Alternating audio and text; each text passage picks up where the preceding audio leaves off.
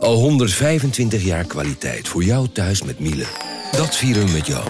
Ontvang nu tijdelijk een cashback tot 125 euro op veel Miele-apparatuur. Geniet van de kwaliteit van Miele. Voor perfect verzorgd wasgoed en kleding die veel langer mooi blijft. Voor een stralend schone vaat, even perfect als jouw diners. En een stofvrij thuis waarin echt hygiënisch schoon de standaard is. Check miele.nl voor alle feestelijke aanbiedingen.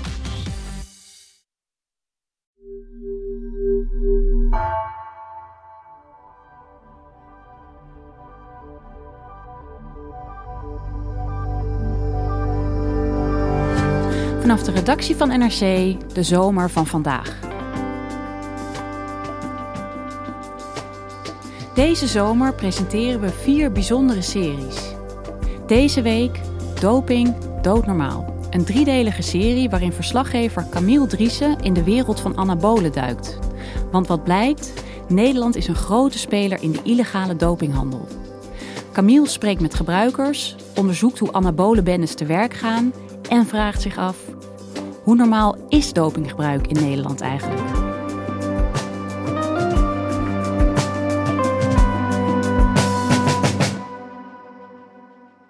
Je luistert naar de tweede aflevering van Doping Dood Normaal. Ga voor de eerste aflevering naar je favoriete podcast-app. We hebben een vrij grote, omvangrijke actiedag georganiseerd. Ik geloof dat we in 16 of 17 panden naar binnen zijn gegaan. 16 of 17 panden? Ja. Dan ben je met heel veel man op pad. Ja, ik geloof dat we die dag 120, 130 regisseurs van politie, Field en IGJ op pad waren. Door heel Nederland. Door heel Nederland. Op het moment dat het dan de klok 6 uur slaat, ja, dan vinden daar overal die, eh, die, die invallen plaats. En om 6 uur is het hier dan muisstil en daarna begint het. Je luistert naar Doping Dood Normaal. Ik ben Camille Driessen, verslaggever bij NRC. In deze aflevering onderzoek ik de illegale handel en productie van anabolen in Nederland. En ik ontdek hoe makkelijk anabolen verkrijgbaar zijn. Dit is aflevering 2. De dopinghandel. We staan hier voor de slagbomen bij de Field. De Schiphol-locatie van de Field is dit. Douane, knopje 5. We rijden via de garage een kantoorpand binnen van de Fiscale Inlichtingen en Opsporingsdienst Field. Zij sporen grootschalige fraude en georganiseerde criminaliteit op. Nou, het is allemaal best wel beveiligd. Hè? De poorten gaan open. We stappen uit. Een Field-rechercheur staat ons al op te wachten. Hey Camille. Nou ja, je vangt me gewoon in de garage al op. Ja jongen, ik zag je al aankomen. Hij stuurt ons in de lift naar de vierde verdieping. Zelf gaat hij vanwege corona niet mee. Het is wel een echte rechercheur, hè? Ja. Stevig gebouwd, kaal hoofd, niet in pak. Hij gaat gekleed in een blauw t-shirt, spijkerbroek en op sportschoenen. Om zijn hals hangt een badge, zoals in een actiefilm. Field staat erop. Ik zoek hem op omdat hij de afgelopen jaren bij verschillende onderzoeken naar anabolenhandel in Nederland betrokken was. Hij kan mij vast vertellen hoe de wereld achter de pillen en injecties eruit ziet. Want ook al is het gebruik niet strafbaar, de handel en productie is wel illegaal. Kun je jezelf even voorstellen? Ja, uiteraard. Ik ben een projectleider opsporing binnen de Fiscale Inlichting en Opsporingsdienst Field. En jouw naam mogen we niet noemen. Waarom is dat? Uh, ik hou mijn naam maar liever uh, voor me. En dat doe ik omdat in dit werk het veiligheidsaspect zeg maar, ook gewoon heel erg belangrijk is. En daar waar we niet naar buiten hoeven treden met onze naam als het gaat over deze casuïstiek, is dat soms ook gewoon beter om dat niet te doen. Dat de Field-projectleider anoniem wil blijven, is niet zo gek. Want het zijn serieuze jongens, die anabolenhandelaren. Het verdienmodel is enorm. Dus het is interessant voor criminele organisaties om daar iets mee te doen. En die criminele organisaties worden vanuit dit soort hele doorsnee kantoorruimtes in de gaten gehouden. We zitten hier nu dus in jullie pand op Schiphol op de vierde verdieping, geloof ik. Op de vierde verdieping. Ja, ja. In, in, eigenlijk gewoon een, een, vergaderkamer. Er hangt een, hangt een tv ja. aan de wand en we zitten in een carré-opstelling. Vanuit deze ruimte organiseerde de Field een grote landelijke actie tegen een anabolenbende. Ja. Maar dus dat is hier. Uh, ja, dan wordt dit uh, voor, voor zo'n dag wordt dat uh, wordt dit omgekat zeg maar, tot een coördinatiecentrum. En dan zitten hier allemaal mensen met, met laptops en toegang tot systemen ehm, en communicatiemiddelen. Om ervoor te zorgen dat het allemaal in goede banen wordt geleid. jullie geven altijd zo'n mooie naam aan onderzoeken. Hoe heette dit onderzoek? dit onderzoek heette, heette. En dat is de Latijnse god zeg maar, van de geneeskunde. De field werd ingesigned door de Gezondheidsinspectiedienst IGJ en de politie. We hebben jullie hulp nodig. Er is een criminele groep actief. In de omgeving van Rotterdam, Breda en Wassenaar is een groep mensen in het vizier die al jarenlang op internet handelt in illegale middelen, waaronder anabolen. Er wordt vermoed dat er een geheim lab in een bedrijfspand in Ridderkerk zit. Grondstoffen worden geleverd uit China en betaald met bitcoins. Pakketjes met bestellingen worden verstuurd via DHL of afgeleverd door eigen couriers. Deze bende moet worden opgerold. Ja, dan wordt er eigenlijk een team zeg maar, samengesteld en dan wordt er gevraagd aan het OM of zij uh, dezelfde verdenking zien uh, als wij. En, uh, nou, en als daar een akkoord op komt, dan, ja, dan gaan we van de kant. Het begint met het verzamelen van zoveel mogelijk informatie. Dus dan gaan we één of meerdere telefoons stappen of we gaan er een observatieteam op zetten. Ze houden verdachte panden en handelaren in de gaten en ze doen pseudo-aankopen. Pseudokoop is ook een bijzonder opsporingsmiddel. En dat betekent eigenlijk gewoon dat je je voordoet als klant eh, om op die manier te zien wat je dan zeg maar, geleverd krijgt. En, en door wie het dan geleverd wordt. Ja, en dan komt er een moment dat je dat je zover bent dat je zegt nou, nu kunnen we dit eigenlijk wel bewijzen. Ja, en dan uh, ga je je voorbereiden zeg maar, op een actiedag. De projectleider werkt tot in de late avond aan een uitgebreid draaiboek voor de actiedag. Welk vervoer nodig is, welk team naar welk pand gaat en wat er bijvoorbeeld met de verhoren moet gebeuren nadat de verdachten zijn gearresteerd. Dus die dag van tevoren was je hier tot 11 uur s'avonds. Ja. En toen reed je naar huis. En dan ga ik naar huis. En dan lees ik het draaiboek nog één keer door.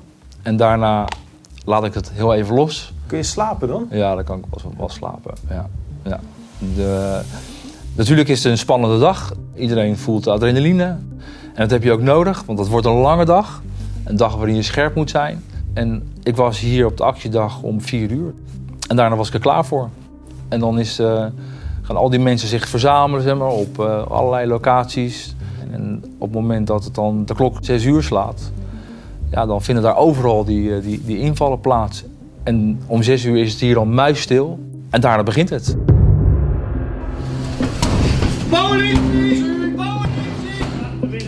Op diverse plekken zijn invallen gedaan in verband met illegale handel in anabole steroïden. Volgens justitie zijn er diverse aanhoudingen verricht. En dat blijft zo nou ja, tot uh, denk een uur of tien. Ja, dan zie je de eerste stof een beetje dalen. Hè, dan is de eerste zoekingen zijn achter de rug. De eerste verdachten zijn overgebracht, die zitten vast. Ja, dan komt langzaam het beslag zeg maar, deze kant op. Dus alles wat in beslag wordt genomen, wordt per pand geïndexeerd. Ja, en dan vinden die eerste verhoren zeg maar, plaats. Ja, daarna worden natuurlijk telefoons uitgelezen, eh, computers gekopieerd ja, al die data die daaruit komt, die moet ook allemaal bekeken worden. Dat is ook allemaal onderdeel van het bewijs. Ja, en uiteindelijk uh, natuurlijk met als doel om ervoor te zorgen dat er een mooi dossier zeg maar, ligt uh, van A tot Z. Met wat er allemaal gebeurd is, bevonden is en de overtredingen zijn. En dan ja, proberen wij dat natuurlijk wettig en overtuigend te bewijzen. En dat is natuurlijk uiteindelijk aan de rechter zeg maar, of die daar dan zeg maar, in, in meegaat. Wat voor types hebben jullie gearresteerd? Nou ja, dat zit toch wel een beetje zeg maar, in de ehm, sportscholenhoek, zeg maar. Het zijn toch vaak wat forsere jongens, zeg maar, die, uh, die hebben er ook verstand van. Als je je product wil verkopen, dan is het natuurlijk ook fijn als je weet wat de werking is en eh, hoe je dat moet gebruiken. En vaak zien we wel dat de verkopers uh, ook gebruikers zeg maar, zijn. Nou, wellicht wat stereotyp, maar dat is wel wat je vaak ziet. Maar dus zeg maar, don't get high on your own supply geldt niet? Geldt hier zeker niet, nee. Nee, geldt hier zeker niet. De verdachten van onderzoek Vejovis worden tot drie jaar cel veroordeeld. En door dat enorme verdienmodel valt er dan ook gewoon veel af te pakken. In dit onderzoek, eh, in Vejovis was het ik geloof, tussen de 6 en de 7 ton hebben we daarin afgepakt. En in andere onderzoeken hebben we ongeveer nou, een kleine miljoen. Dus, en dat gaat dan zowel over bitcoins als over gewoon contant geld en vermogen en vermogen spullen, dikke auto's. Is het, hoe komt het dat het zo lucratief is dan, die anabolen? De inkoop van de grondstoffen uit China, ja, dat kost allemaal een happenkrats. Uh, en een potje anabolen wordt verkocht voor 45 euro. Uh, dus ja, tel maar uit je winst. Hè. Als je het zelf fabriceert en in eigen hand houdt. Je kosten, het is gewoon een professioneel bedrijf. Uh, alleen in dit geval maken we er geen kaas van, maar maken we er anabolen van. Heb je schuldgevoel gezien bij die verdachten van Vis? Of inmiddels de daders, want ze zijn veroordeeld? Enige nee, introspectie? Ja, schuldgevoel, vooral jammer dat ze gepakt zijn. Maar niet voor wat ze daadwerkelijk hebben gedaan. Ik ben geïntrigeerd door de casus van de Field. Criminele anabolenbendes, grondstoffen uit China en geheime labs in Ridderkerk. Hoe zit dat precies? Waar worden die pillen en flesjes gemaakt? En hoe komen ze uiteindelijk bij de gebruiker terecht? Om hierachter te komen ga ik naar bureau Beken. Zij hebben samen met de Vrije Universiteit uitgebreid onderzoek gedaan naar de illegale productiewereld van anabolen.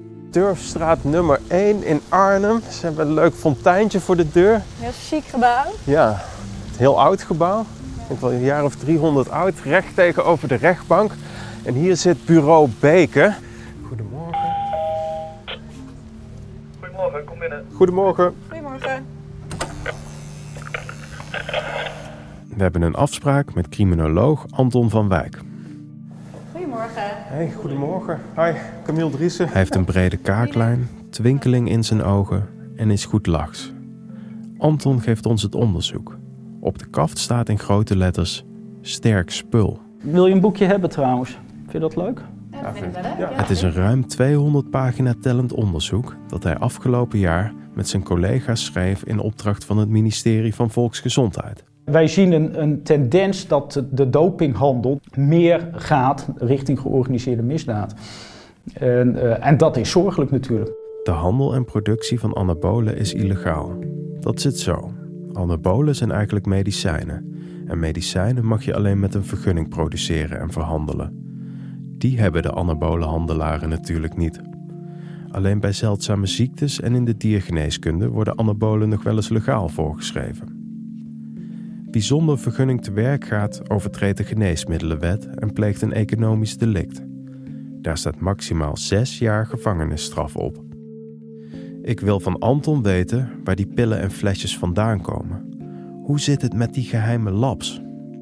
De faciliteiten die je nodig hebt om bijvoorbeeld een drugslaboratorium te runnen, dat zijn bijna dezelfde faciliteiten als de dingen die je nodig hebt om dopingmiddelen te gebruiken. Maar waar doel je dan op? Op, op, eh, op machines, op logistiek, op, op kanalen, uh, relaties met het buitenland. Uh.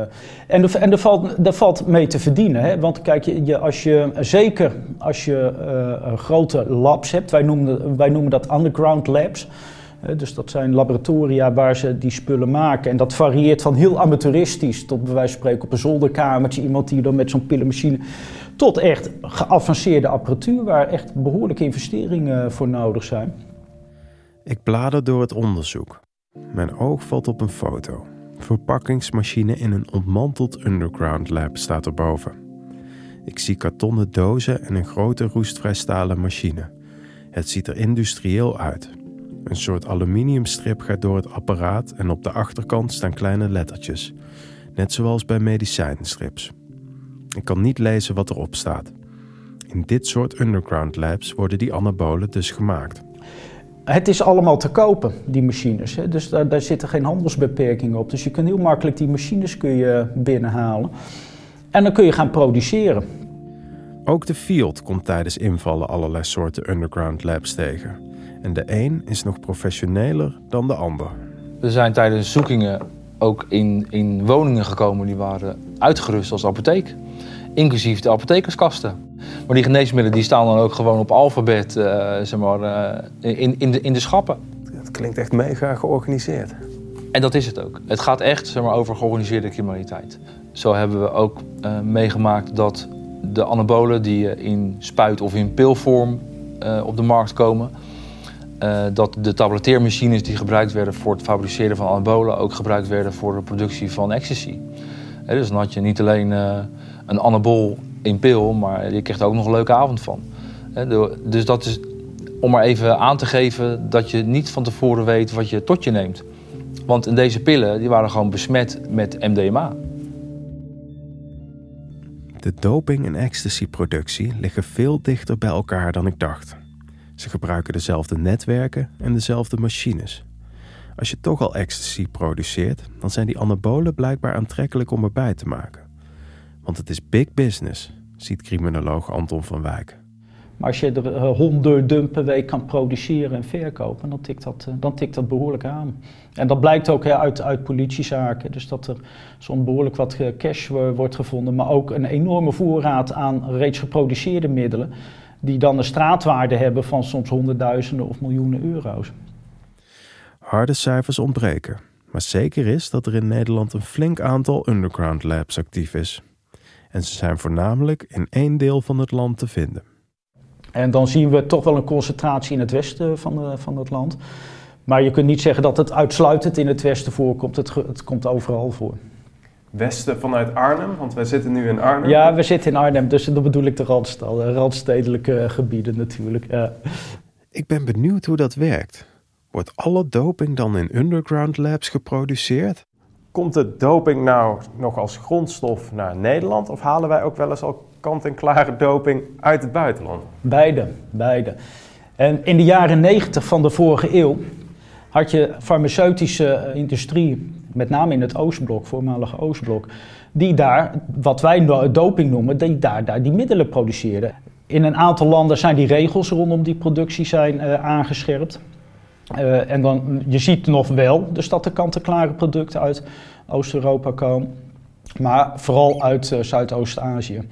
Maar we zien ook, en dat, dat heeft een nauwe relatie met die, met die underground labs, dus dat de grondstoffen worden geïmporteerd en dat mensen hier zelf uh, gaan knutselen. We hebben naar douanecijfers gekeken en dan zie je dus dat het aantal in beslag genomen dopinggeduide middelen, met name grondstoffen, dat dat toeneemt. De grondstoffen worden soms onderschept door de douane, vertelt de Fiat-projectleider. Het zit bijvoorbeeld verstopt in pakken waspoeder, instantsoep en drinkyoghurt. Naast India komen de grondstoffen ook uit China. Uh, de grondstoffen komen over het algemeen uit China en worden ook op die manier gewoon gesmokkeld. We hebben partijen gehad hier met nandrolon en testosteron als, als grondstof verstopt in Chinese kunstwerken. Via Chinese kunstwerken komt het dus in illegale labs terecht. Maar hoe belandt het dan bij de gebruiker? Dat gaat simpeler dan ik dacht. Doping wordt namelijk voor een belangrijk deel via internet besteld. Ik dacht dat de handel ergens in de krochten van het wereldwijde web zou plaatsvinden, tussen de kinderporno en de wapens. Maar niets is minder waar. De anabole websites zijn gewoon via Google te vinden. En de verkoop van zo'n soort middelen uh, zit niet op dark markets. Zit gewoon op het normale internet. Toets maar in. Uh, dat je anabolen wil kopen op, uh, op Google. En doe de lijst zeg maar aan hoe je waar. Je kan het overal krijgen. Ik typ anabolen kopen in en dan komen meteen tientallen Nederlandstalige websites tevoorschijn. Ik zie plaatjes van gespierde mannen. Het ene merk anabolen heeft een logo met een tijger, de ander met een microscoop. Een speciale deal knippert op het scherm. 25 halen, 20 betalen. De meeste websites zien er professioneel uit. Je kan de pillen en flesjes afrekenen met bitcoin, contant via een postbus. Ik zie zelfs Ideal staan. Wij kunnen in principe niet tegenhouden dat mensen dingen op internet zetten. Er is geen internetpolitie, om het even zo, om even zo te zeggen. Achter die websites en merken zit een heel marketingconcept, zegt criminoloog Anton. Het is een marketingconcept. Van, hoe, hoe krijg je jouw merk, hoe krijg je jouw logo zo goed mogelijk in de markt? En een van de dingen die ze proberen is dat ze schermen met A-kwaliteit. Hm? Wij leveren het beste product. Ga niet op een een of andere website een rotzooi kopen, want dat kan onverantwoord zijn. Hè? Maar koop bij ons, want wij leveren 100% gegarandeerd. En ook al is je pakje weggeraakt door PostNL, wij zorgen dat je weer een nieuw pakje krijgt. Als ik dat hoor, is het misschien niet zo gek dat jonge mannen zonder aarzeling de anabolen kopen. Het is extreem gemakkelijk. Hoe kan het dat er zoveel websites zijn?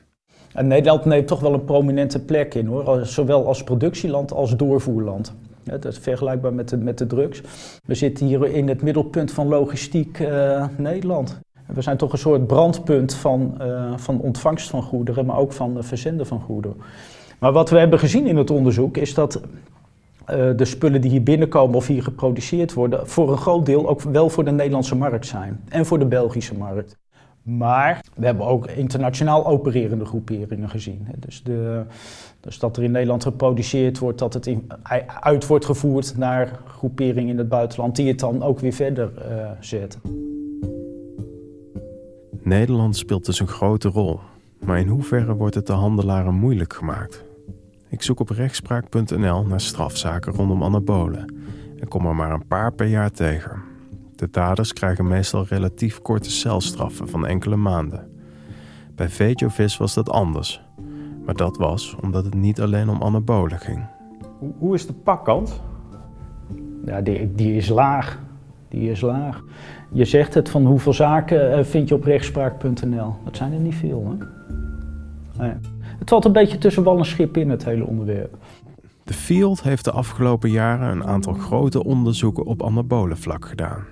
En de projectleider zegt dat de aanpak meer dan voorheen op het vizier staat.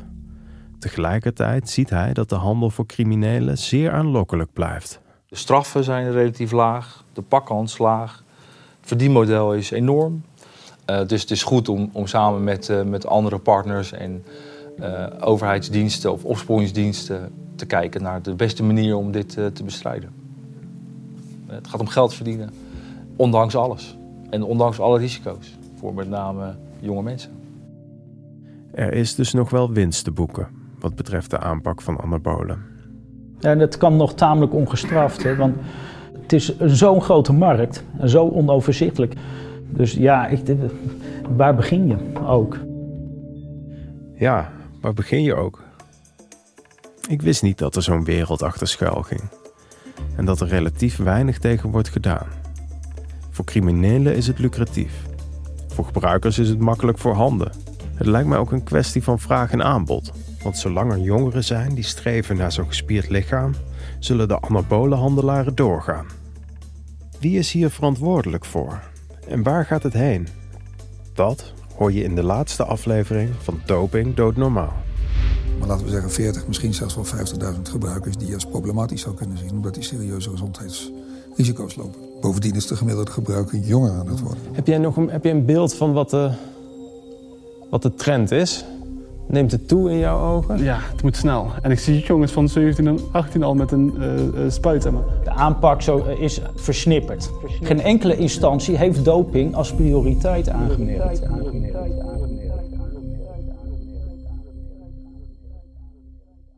Doping Doodnormaal is een podcast van NRC.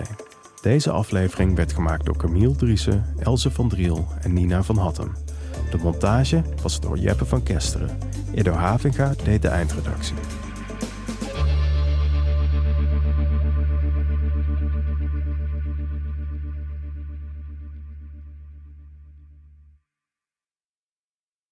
Technologie lijkt tegenwoordig het antwoord op iedere uitdaging.